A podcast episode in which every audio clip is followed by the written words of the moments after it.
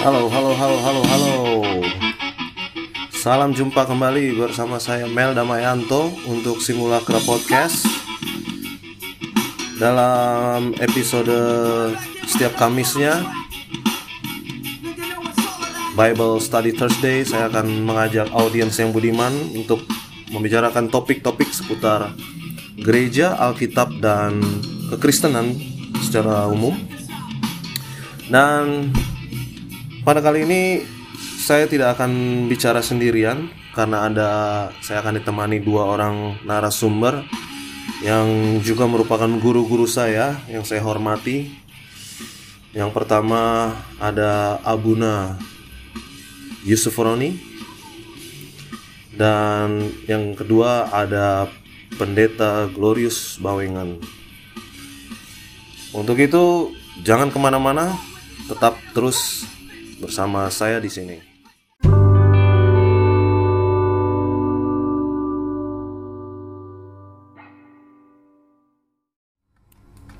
Oke baik, listener yang budiman, uh, podcast kita kali ini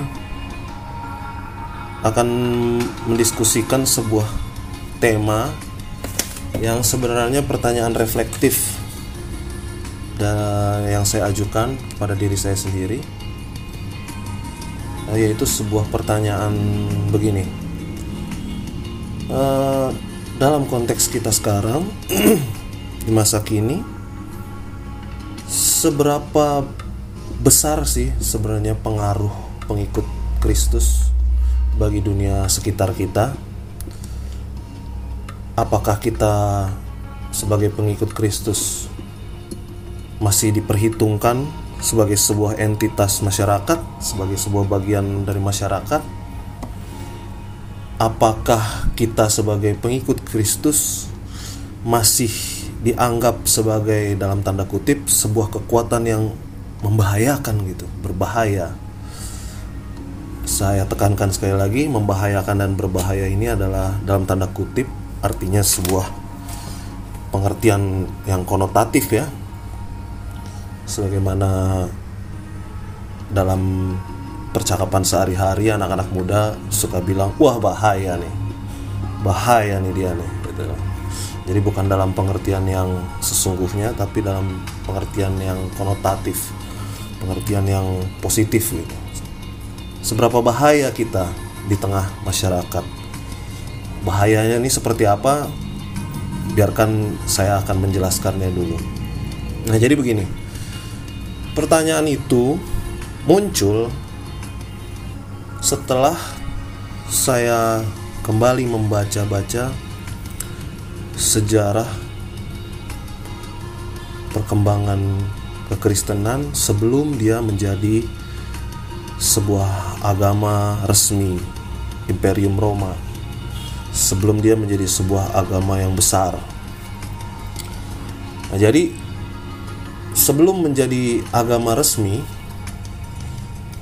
uh, yang dianut oleh Imperium Roma pada saat itu dulu di abad di bawah abad 4 Masehi kekristenan itu kan awalnya hanya kelompok minoritas kelompok kecil sempalan dari agama Yahudi yang menafsirkan kembali eh, janji-janji Allah mengenai Mesias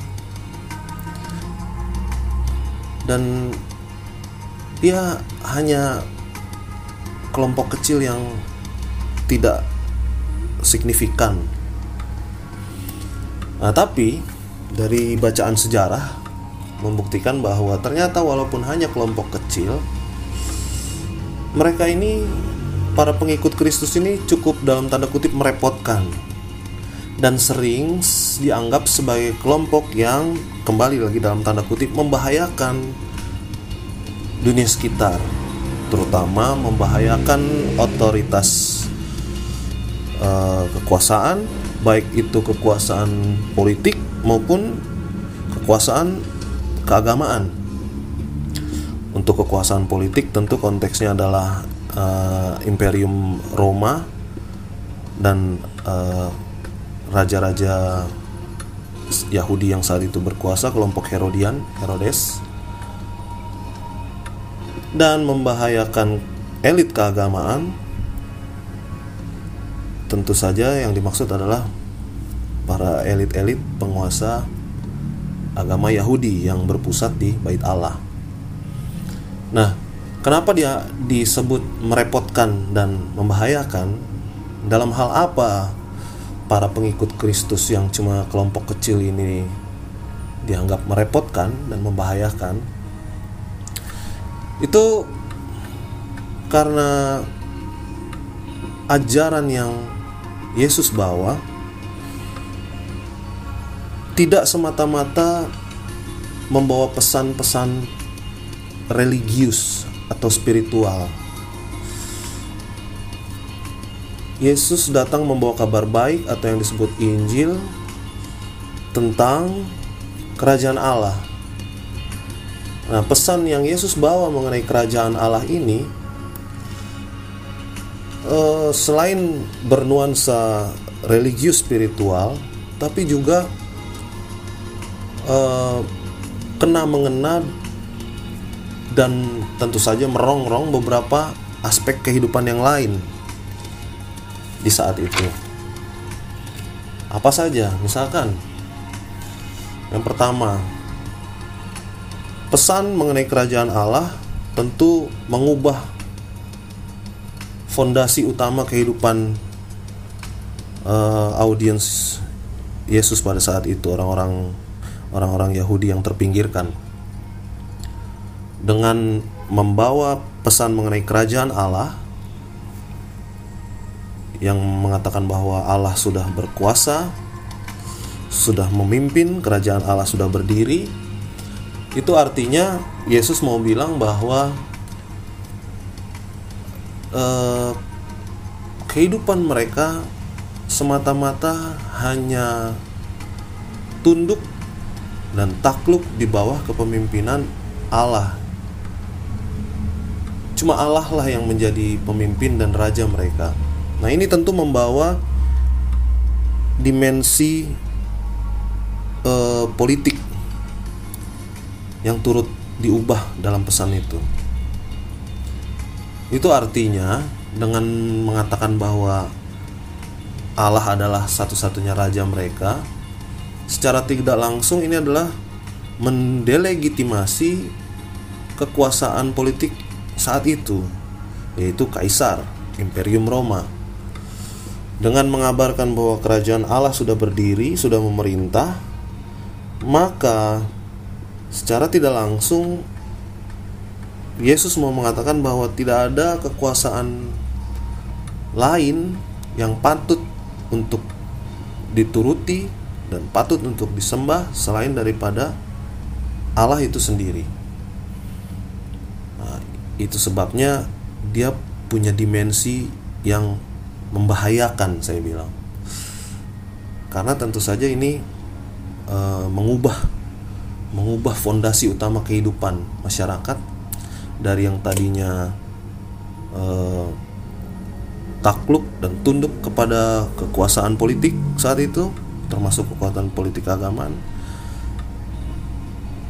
lalu ditransformasi diubah fondasinya menjadi tidak kalian atau kita semua hanya boleh takluk dan tunduk dalam kepemimpinan Allah sebagai raja kehidupan kita. Itu satu. Kedua, dia juga mengganggu uh, pesan yang Yesus bawa juga mengganggu para uh, penguasa keagamaan, elit keagamaan Yahudi saat itu. Ketika misalkan Yesus mengatakan, kerajaan Allah itu ada di antara kalian. Kerajaan Allah itu ada di dalam diri kalian, di kita semua, di antara kamu semua. Ini secara tidak langsung mendelegitimasi bait Allah dan mendelegitimasi para elit keagamaan saat itu. Apalagi dia pernah juga bilang hancurkan bait Allah ini dalam tiga hari akan aku bangun kembali. Artinya apa? Artinya tidak ada uh, ini adalah sebuah dekonstruksi bahwa pusat kehidupan uh, masyarakat bukan di bait Allah lagi tapi Allah sudah ada di dalam diri kita masing-masing tidak ada satu institusi apa pun yang bisa menjadi perantara antara manusia dengan Allah. Termasuk dalam hal ini artinya bait Allah dan para elit keagamaan Yahudi yang saat itu menguasai bait Allah. Manusia tidak perlu perantara lagi untuk berjumpa dengan Allah. Bisa langsung karena kerajaan Allah bertahta di dalam hati kita masing-masing dalam manusia hati manusia. Artinya akses kepada Allah itu dibuka sebesar-besarnya untuk semua orang menjadi ajakan inklusif dan universal bagi semua orang. Tidak perlu ada perantara, tidak perlu ada elit-elit keagamaan. Nah, ini pesan yang begini tentu membawa pengaruh, membawa efek yang tadi saya bilang dalam tanda kutip membahayakan siapa yang terancam bahaya dari pesan yang Yesus bawa tentu saja dalam hal ini adalah para penguasa keagamaan Yahudi elit-elit agama Yahudi dan sebagaimana kita tahu mereka nanti bersekutu para elit agama Yahudi dengan elit politik Roma bersekutu untuk uh, menghabisi Yesus. Nah, itu tadi yang kedua. Lalu nuansa yang ketiga dari pesan yang Yesus bawa tadi yang saya bilang tidak cuma sebagai pesan keagamaan, tidak cuma pesan spiritual adalah nuansa atau aspek perubahan sosial, struktur sosial. Ini tidak bisa disangkal ya. E, banyak sekali di dalam Injil pesan-pesan yang Yesus bawa yang Eh, ketika kita baca mau tidak mau mengubah struktur sosial budaya yang selama ini masyarakat uh, hayati. Misalkan saja dia mengubah uh, struktur sosial mengenai siapa sesamamu manusia. Jadi uh, dalam dunia Mediterranean awal abad Masehi pada saat itu uh, yang disebut sesamamu manusia itu hanya orang yang satu suku dengan kita. Orang yang berbeda suku dengan kita itu mereka anggap beda spesies. Bayangkan, bukan cuma beda suku, tapi beda spesies. Beda spesies itu artinya ibarat ibaratnya uh, harimau dengan ikan jadi kalau orang yang berbeda suku dengan kita, seandainya kita ikan, maka kita lihat dia bukan ikan, dia harimau spesies lain. Yang tentu saja satu kita harus waspada karena kita anggap dia berbahaya dan kita harus uh, punya sikap yang curiga. Nah, uh, pandangan kultural sosial yang seperti itu diubah lewat pesan Injil yang Yesus bawa mengenai sesamamu manusia. Yesus katakan sesamamu manusia itu ya tetanggamu itu ya sesamamu manusia. Lalu sesama sesamamu manusia bukan lagi orang yang satu suku dengan kita, bukan lagi orang yang satu agama dengan kita, tapi semua orang yang melakukan kehendak Allah yang melakukan kehendak Bapakku yang di surga kata dia. Itulah sesama sesama manusia. Lalu ada contoh lain. Dia juga mengubah uh, kultur uh, budaya yang pada saat itu menomorduakan perempuan. Dari beberapa cerita di Injil kita bisa lihat bagaimana Yesus dengan berani mendobrak tradisi dia terlihat uh, berbicara dengan perempuan Samaria misalkan yang pada saat itu sebenarnya tabu. Tidak boleh seorang lelaki berbicara berdua-duaan saja di terutama dengan orang yang uh, terutama dengan uh, yang berbeda gender dengan dia laki-laki dan perempuan. Yesus mendobrak itu misalkan. Itu uh, beberapa contoh saja. Yang artinya di sini yang saya mau bilang adalah bahwa banyak sekali di dalam Injil kita lihat eh, perubahan-perubahan pesan-pesan perubahan yang bukan cuma bersifat religius spiritual tapi juga mengubah struktur sosial, mengubah e, tradisi lama, kebudayaan lama menjadi sebuah masyarakat yang tadinya e, apa terbagi-bagi dalam struktur elit menjadi sebuah masyarakat yang egaliter. Semua dianggap uh, setara dan, sama. Lalu ada lagi misalkan uh, apa sekat budaya dan gender tadi lalu egaliter meritokrasi meritokrasi tadi yaitu orang yang berkenan uh, di hadapan Tuhan bukan lagi ditentukan oleh keturunan, suku, tapi orang yang berkenan di hadapan Tuhan adalah mereka yang melakukan kehendak Tuhan. Itulah orang-orang yang berkenan di hadapan Tuhan. Bukan lagi karena dia berasal dari suku tertentu, dari elit tertentu, keturunan tertentu, tetapi orang yang berkenan di hadapan Tuhan adalah semua orang yang melakukan perintah dan kehendak Allah Bapaknya Yesus. Nah, uh, itu meritokrasi. Nah, listeners yang budiman, itu tadi baru da, uh, beberapa contoh kecil yang menggambarkan dari sisi pengajaran yang Yesus bawa ada lagi yang paling signifikan, paling berpengaruh, yaitu dari sebuah peristiwa. Kalau tadi dari pengajaran, kali ini dari peristiwa. Peristiwa apa? Yaitu peristiwa kematian dan kebangkitan Yesus. Dari peristiwa kematian dan kebangkitan Yesus, maka para pengikut Kristus memiliki attitude, memiliki sikap-sikap yang kembali saya bilang dalam tanda kutip membahayakan.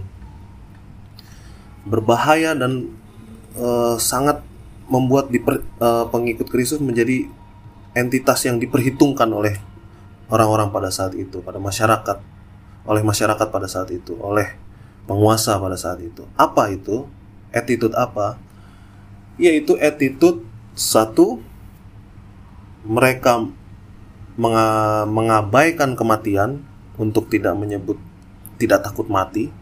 Ya. Mereka adalah para pengikut Kristus terkenal sebagai orang-orang yang mengabaikan kematian. Kenapa disebut mengabaikan kematian? Karena dari peristiwa kematian Yesus dan kebangkitannya, maka dia tumbuh sebuah sikap di antara para pengikut Kristus untuk tidak menganggap lagi kematian sebagai akhir dari kehidupan ini. Mereka memiliki optimisme dan pengharapan. Saya mau mengatakan keberanian, tapi eh, takut terkesan lebay ya. Kalau dibilang mereka tidak takut mati, mereka berani berani mati juga kayaknya mungkin lebay oleh karena itu saya pakai kalimat mereka mengabaikan kematian. Kenapa mengabaikan kematian? Karena mereka anggap kematian bukan akhir.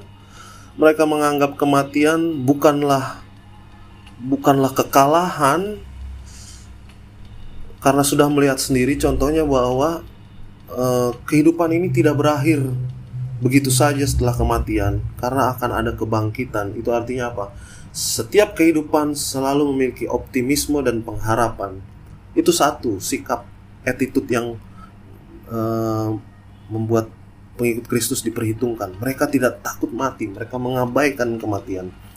Kedua, efek dari itu adalah karena mereka tidak lagi takut mati, karena mereka lagi mengabaikan kematian, maka para pengikut Kristus terkenal sebagai orang-orang yang mau mengorbankan apa saja, berani mengambil resiko untuk melakukan apa saja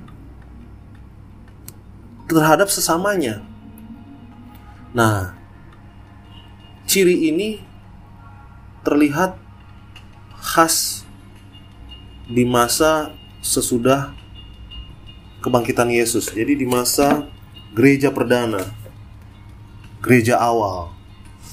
Banyak sejarawan yang mencatat bagaimana uh, perilaku orang-orang Kristen yang senang membagi-bagikan uh, bukan membagi-bagikan, senang berbagi apa yang mereka punya, their possession, their property, their food, semuanya mereka berbagi dengan sesama mereka, dengan orang-orang yang membutuhkan, dengan para janda yang kekurangan, yatim piatu. Mereka punya punya keprihatinan dan punya concern yang sangat tinggi terhadap orang-orang yang uh, uh, kalah oleh kehidupan ini. Orang-orang yang orang-orang yang kesulitan, orang-orang yang tidak memiliki akses, orang-orang yang uh, kurang beruntung karena tidak mampu uh, mendapatkan akses yang sama dengan mereka misalkan orang-orang ini adalah orang-orang yang uh, mungkin korban struktur sosial politik saat itu bukan cuma karena mereka malas atau apa tapi orang-orang inilah yang uh, uh, menjadi bagian dari kepedulian mereka. Nah, dua attitude tadi itulah yang paling terkenal sebelum agama Kristen menjadi agama resmi Imperium Romanum, Imperium Romawi. Sebelum menjadi agama negara, orang-orang Kristen terkenal dengan dengan attitude seperti ini. Mereka merawat orang-orang yang kesulitan. Bahkan ada saya baca mereka juga tidak cuma peduli pada kehidupan orang-orang itu, bahkan pada kematiannya pun mereka peduli. Apa maksudnya pada kematiannya? Jadi pada saat itu orang-orang e, miskin dan terlantar biasanya e, dikuburkan secara tidak layak, tapi eh, orang-orang Kristen mengambil alih itu. Mereka menguburkan orang-orang yang tidak mampu Orang-orang miskin mereka kuburkan secara layak, mereka rawat, mereka, uh, mereka ya mereka mereka layakkan di dalam di dalam sebuah penguburan yang layak. Terkait dengan itu, uh, izinkan saya mengutip seorang sejarawan bernama Rodney Stark. Dia mengatakan demikian. Christianity served as a revitalization movement that arose in response to the misery, chaos, fear, and brutality of life in the urban Greco Roman world. Christianity revitalized life in Greco Roman cities by providing new norms and new kinds of social relationships able to cope with many urgent problems. To cities filled with the homeless and impoverished, Christianity offered charity as well as hope. To cities filled with newcomers and strangers, Christianity offered an immediate basis for attachment. To cities filled with orphans and widows, Christianity provided a new and expanded sense of family. To cities torn by violent ethnic strife, Christianity offered a new basis for social solidarity. And to cities faced with epidemics, fire, and earthquakes, Christianity offered effective nursing services. For what they brought was not simply an urban movement, but a new culture capable of making life in Greco-Roman cities more tolerable. Nah, jadi dari apa yang dikatakan Rodney Stark, seorang sejarawan yang melihat uh, bagaimana gereja perdana atau uh, pengikut Kristus mula-mula itu dari sisi kehidupan mereka, maka sebagaimana yang tadi saya sudah bilang bahwa uh, pada awalnya pengikut Kristus ini cukup diperhitungkan dan membahayakan dalam tanda kutip membahayakan bagi dunia sekitar karena mereka mempraktekkan bukan cuma memberikan wacana tapi mempraktekkan sebuah sistem sosial yang baru, sebuah norma-norma yang baru di tengah uh, problem konkret saat itu yaitu chaos, misery, fear, and brutality of life katanya. Mereka membawa sebuah kebudayaan baru. Mereka sebuah mem, mereka membawa sebuah uh, sebuah sistem sosial yang baru di mana orang asing mereka perlakukan sebagai saudara, orang yang kesulitan uh, mereka pelihara sebagai keluarga sendiri dan seterusnya dan seterusnya. Nah inilah uh, yang kemudian membuat saya merefleksikan kepada konteks masa kini. Apakah kekristenan kita saat ini dengan gereja yang marak di mana-mana di mall-mall, gereja-gereja besar dihadiri oleh ribuan orang dalam satu kali servis ibadah misalkan. Ah, apakah kita pengikut Kristus di saat ini konteks saat ini juga membawa pengaruh yang demikian membawa pengaruh uh, gaya hidup budaya norma-norma membawa norma-norma baru yang tidak cuma mengikuti norma lama tetapi mentransformasi uh, norma-norma kehidupan yang lama kebudayaan memperbaharui kebudayaan-kebudayaan yang lama memperbaharui struktur sosial yang lama sehingga kita bisa menjadi uh, bahasanya orang-orang Kristen menjadi berkat bagi sesama. Bagi sesama kita yang uh, secara real secara konkret uh, menghadapi kesulitan hidup. Brutality of life katanya. Menghadapi chaos fear misery uncertainty. Nah terutama apalagi kita dalam konteks yang terbaru saat ini kita menghadapi wabah COVID-19 uh, banyak sekali orang yang harus kehilangan pekerjaan, kehilangan pendapatan, bukan cuma berkurang ya, tapi kehilangan benar-benar kehilangan, kehilangan pendapatan. Nah, bagaimana peran peran kita di di tengah situasi yang seperti itu? Uh, apakah kita benar-benar bisa menjadi dalam tanda kutip jaring sosial bagi mereka yang kehilangan uh, mata pencaharian apalagi sampai kehilangan keluarganya terkena wabah ini. Apakah kita bisa menjadi saudara bagi mereka yang bukan cuma menyediakan sembakonya tapi juga menyediakan hati dan pundak kita untuk mereka menyediakan telinga kita untuk mendengarkan keluh kesah mereka.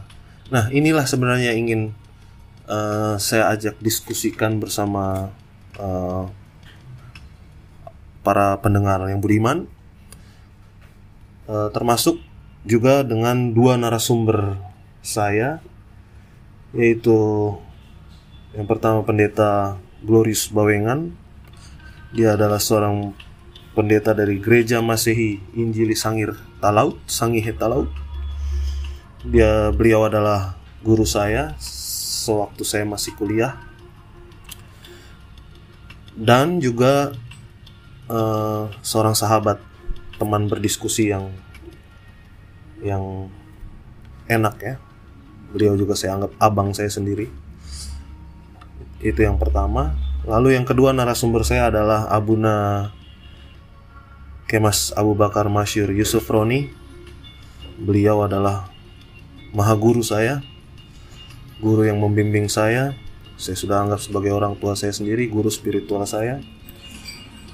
Kedua narasumber ini akan turut uh, membagi pikirannya dari pertanyaan yang saya ajukan pada mereka ini. Masihkah kekristenan, masihkah pengikut Kristus diperhitungkan sebagai sebuah entitas yang membahayakan, yang membawa perubahan sosial, membawa perubahan budaya, membawa norma-norma baru yang menghidupkan orang lain.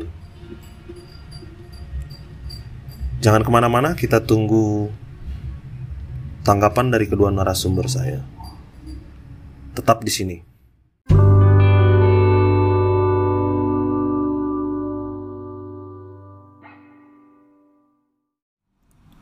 Baik, yang akan menanggapi pertama Pendeta Glorius Bawengan. Silakan, Bang. Melody, uh, kalau istilahnya dipakai istilah berbahaya, maka kita mau tidak mau terseret oleh asumsi politis. Kalau gua lebih setuju pakai istilah keunggulan atau keandalan. Keandalan kekristenan. Seperti yang dilansir Omeldi tadi pada masa-masa gerakan-gerakan gerakan-gerakan paguyuban awal. Baik awal munculnya Yesus sampai awal uh, pergerakan murid-murid dan gereja mula-mula. Di situ ada keandalan, ada poin-poin yang menjadikan nilai-nilai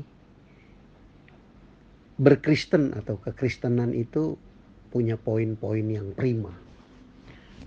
Salah satunya yang disampaikan di podcast itu.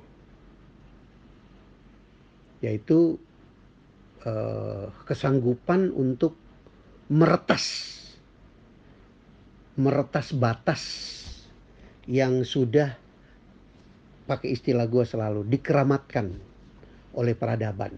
Peradaban Yudaisme peradaban Romawi peradaban uh, apa Helenisme. Nah itu. Nah, kalau kita baca apa mitos keunikan Kristen, buku mitos keunikan itu lambat laun itu terkikis. Sehingga betul yang dikatakan tadi keberbahayaannya dalam dengan kata lain keandalannya, keunggulannya, keunggulan kekristenan itu kemudian seperti tertib X Nah, dalam dalam uh, fakta ini kita juga menemukan fakta-fakta baru sekarang.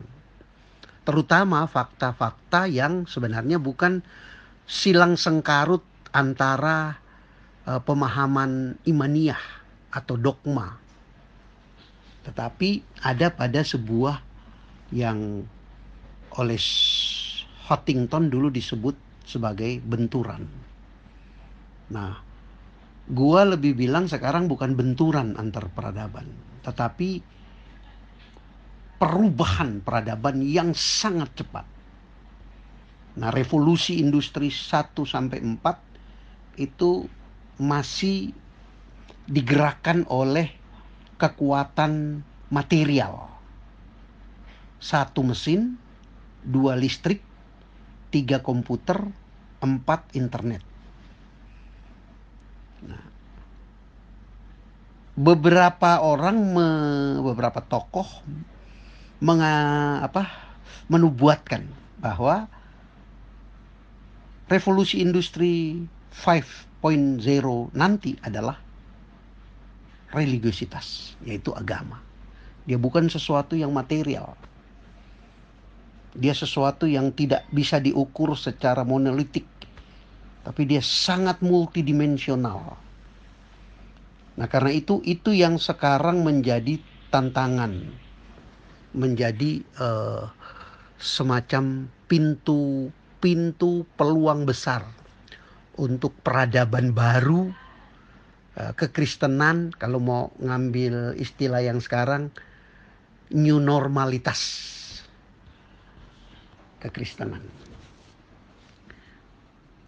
Hampir di setiap zaman mulai dari uh, apa agama-agama Zoroaster yang dimotori oleh uh, Zarathustra yang kemudian populer dari Alsos Prah Zarathustranya Friedrich Nietzsche itu benturan-benturan itu atau uh, upaya-upaya mengubah peradaban itu sudah berlangsung. Itu di masa Mesopotamia berangkat kepada uh, keisraelan atau keyahudian. Nah, memang titik tolak keyahudian yang yang uh, sangat sangat apa namanya karismatik dengan nasionalisme yang tangguh melahirkan spiritualitas yang jempolan sehingga mereka bisa memproklamirkan diri dengan empat pilar itu ya. Monoteisme yang kalau diselidiki sebenarnya punya hubungan dengan monoteisme Israel punya hubungan dengan uh, ahura, ahura masdanya agama Zoroaster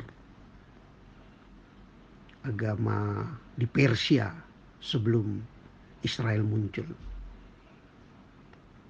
Monoteisme, kemudian uh, klaim keterpilihan Israel dengan perjanjian-perjanjiannya, lalu uh, apa?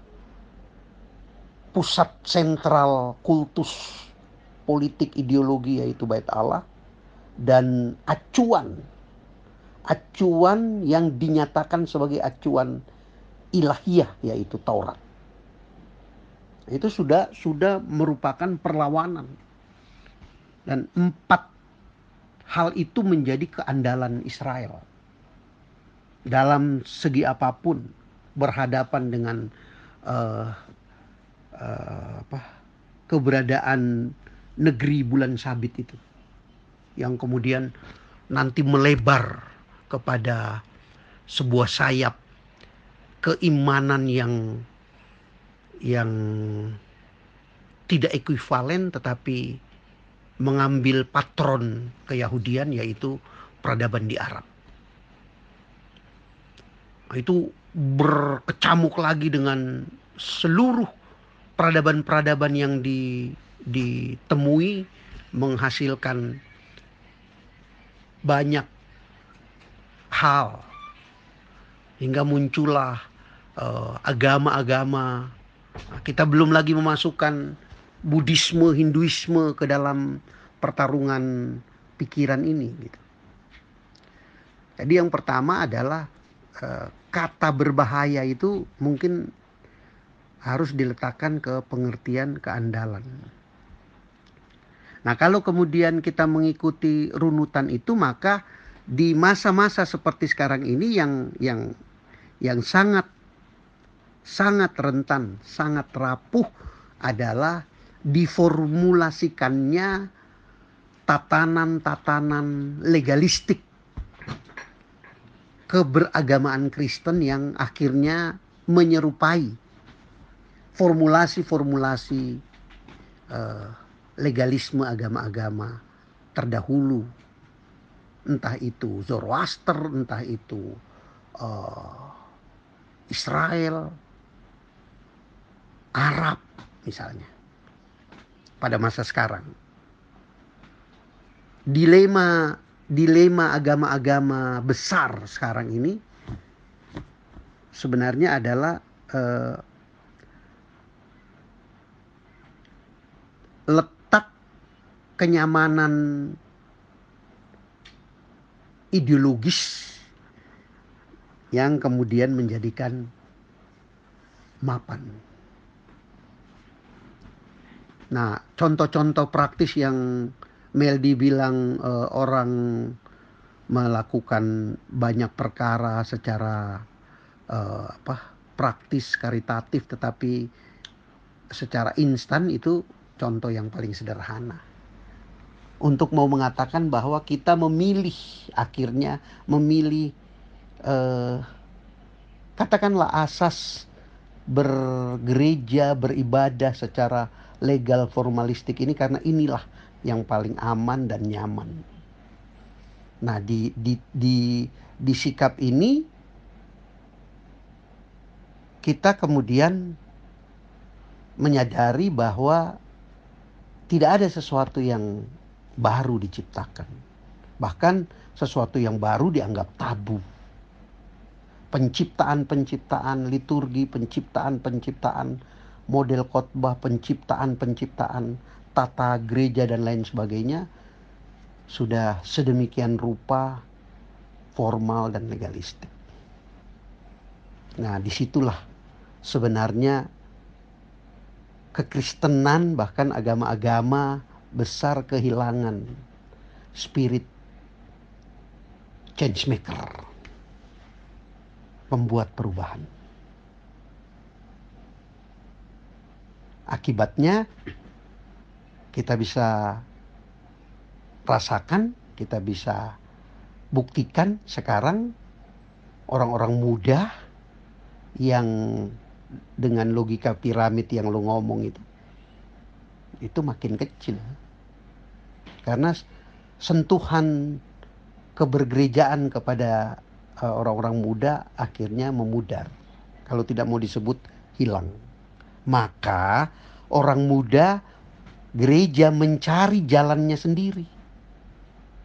Entah dia lari ke agnostik, entah dia lari ke skeptisisme, entah dia membuat kolaborasi di dalamnya atau tetap berada di lingkungan gereja untuk aman.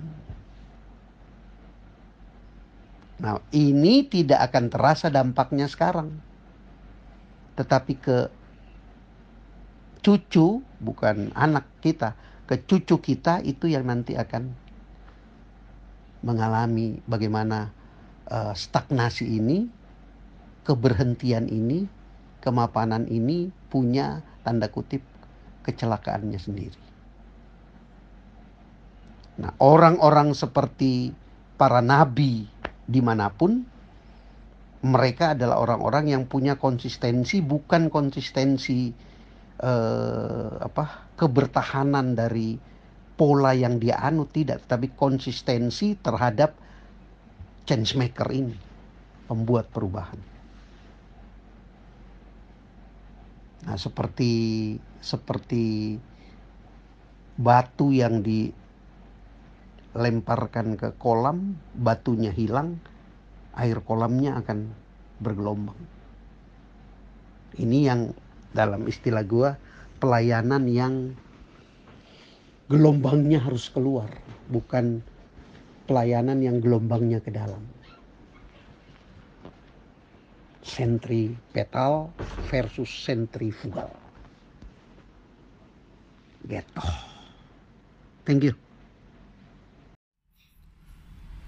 Oke, jadi uh, tanpa bermaksud menyimpulkan apa yang dikatakan oleh Bang Yus tadi, saya mencatat bahwa poin penting dari yang disampaikan Bang Yus yaitu bahwa para pengikut Kristus akan berhenti keandalannya, akan berhenti keberbahayaannya, akan berhenti uh, menjadi change maker ketika mereka membekukan semangat perubahan yang Yesus bawa, yang Yesus ajarkan dan diteruskan oleh gereja perdana, dihayati oleh gereja perdana. Dibekukan di dalam sebentuk formalisme pengajaran, legalisme, doktrin sehingga ketika itu sudah menjadi bentuk baku yang kaku dalam dalam bentuk ajaran-ajaran maupun liturgi gerejawi maka ketika ada tantangan-tantangan baru persoalan-persoalan baru kita gagap untuk menjawab karena lupa dan kehilangan roh dan semangat serta api yang membawa perubahan itu. Sehingga alih-alih kita menjawabnya dengan dengan laku yang uh, orisinil, genuine, dengan laku yang uh, penuh belas kasih, kita malah kembali menjawabnya dalam sebentuk uh, kenyamanan dan berlindung di balik rasa aman, rasa simple. Udahlah kita yang simpelnya aja, yang nyamannya aja.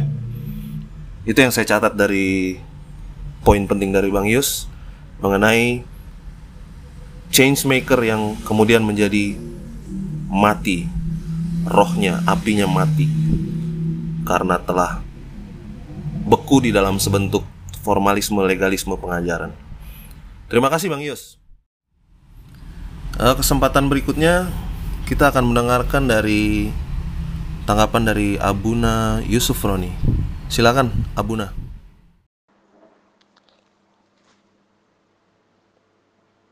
Mel, saya coba menanggapi ya yang kamu buat di podcast kamu itu apakah orang Kristen sekarang itu diperhitungkan atau tidak.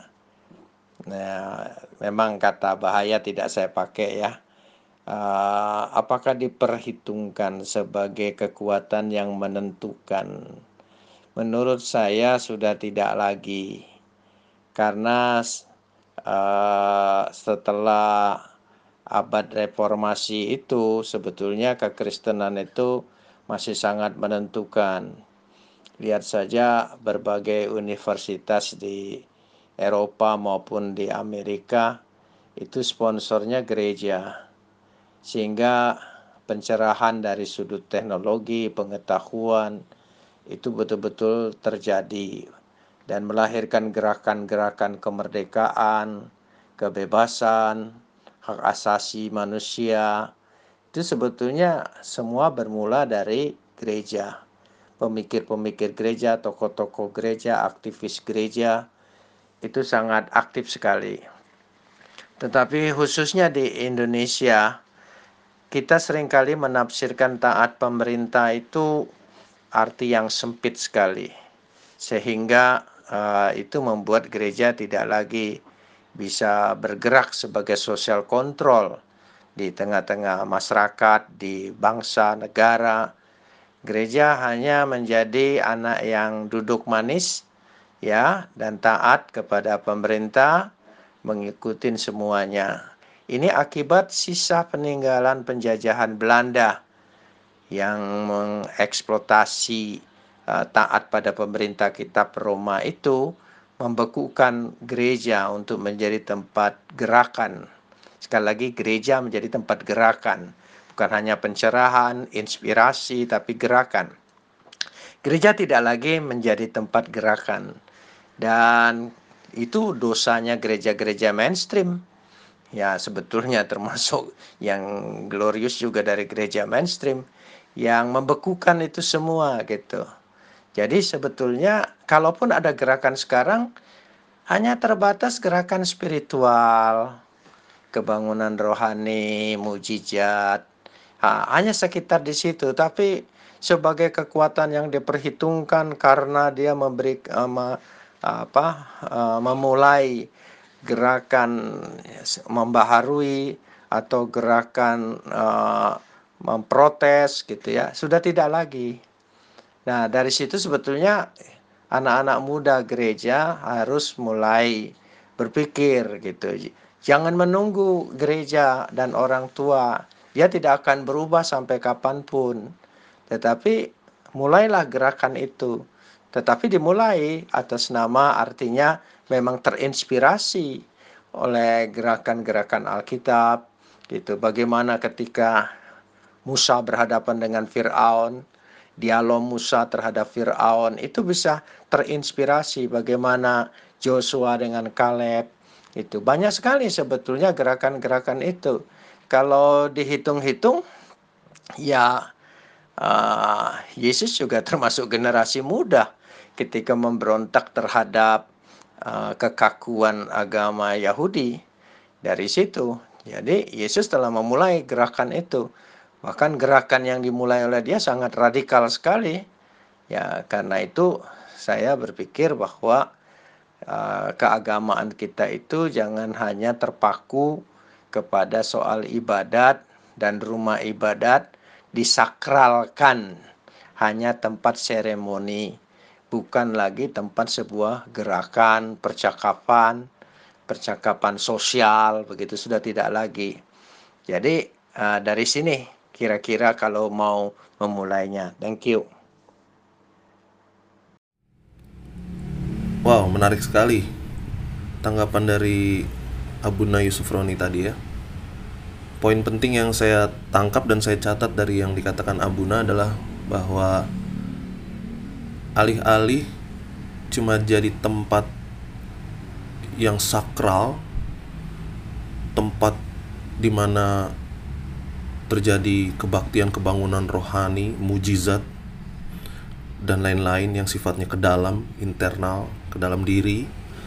Abuna mengendorse anak-anak muda untuk menjadikan gereja sebagai tempat diskusi, tempat saling beradunya pemikiran dan lebih jauh dari itu adalah sebagai tempat pergerakan untuk membawa keluar mujizat-mujizat yang biasa terjadi di gereja, kebaktian e, membawa keluar kebangunan rohani yang ada di dalam gereja dan dengan itu menjadi perubahan bagi yang dirasakan konkret bagi dunia sekitar kita, bagi masyarakat.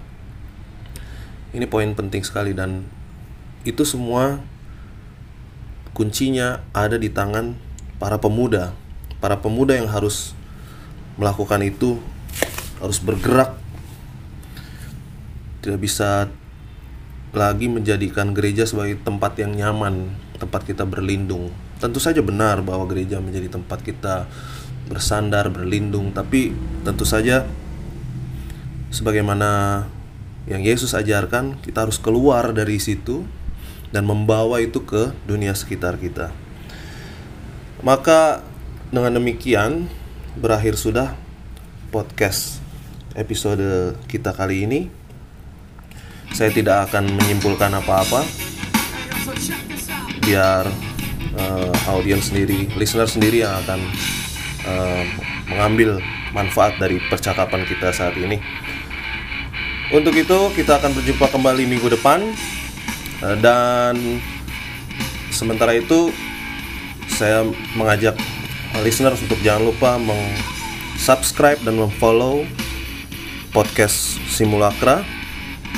Dan bagi yang ingin uh, memberikan sumbang pemikiran atau merespon uh, percakapan kita hari ini silakan bisa berkunjung ke Instagram saya di simulacra76 nanti lihat di bio situ ada link. Silakan klik linknya nanti di dalam link itu ada serangkaian link di mana listeners bisa pilih mau berkomentar di mana. Di Facebook saya bisa lewat email lewat WhatsApp semuanya sudah ada di situ. Silahkan datang ke sekali lagi ke Instagram saya di simulacra 76 buka bio lalu klik link di situ. Terima kasih. Saya Mel Damayanto hanya untuk Simulacra Podcast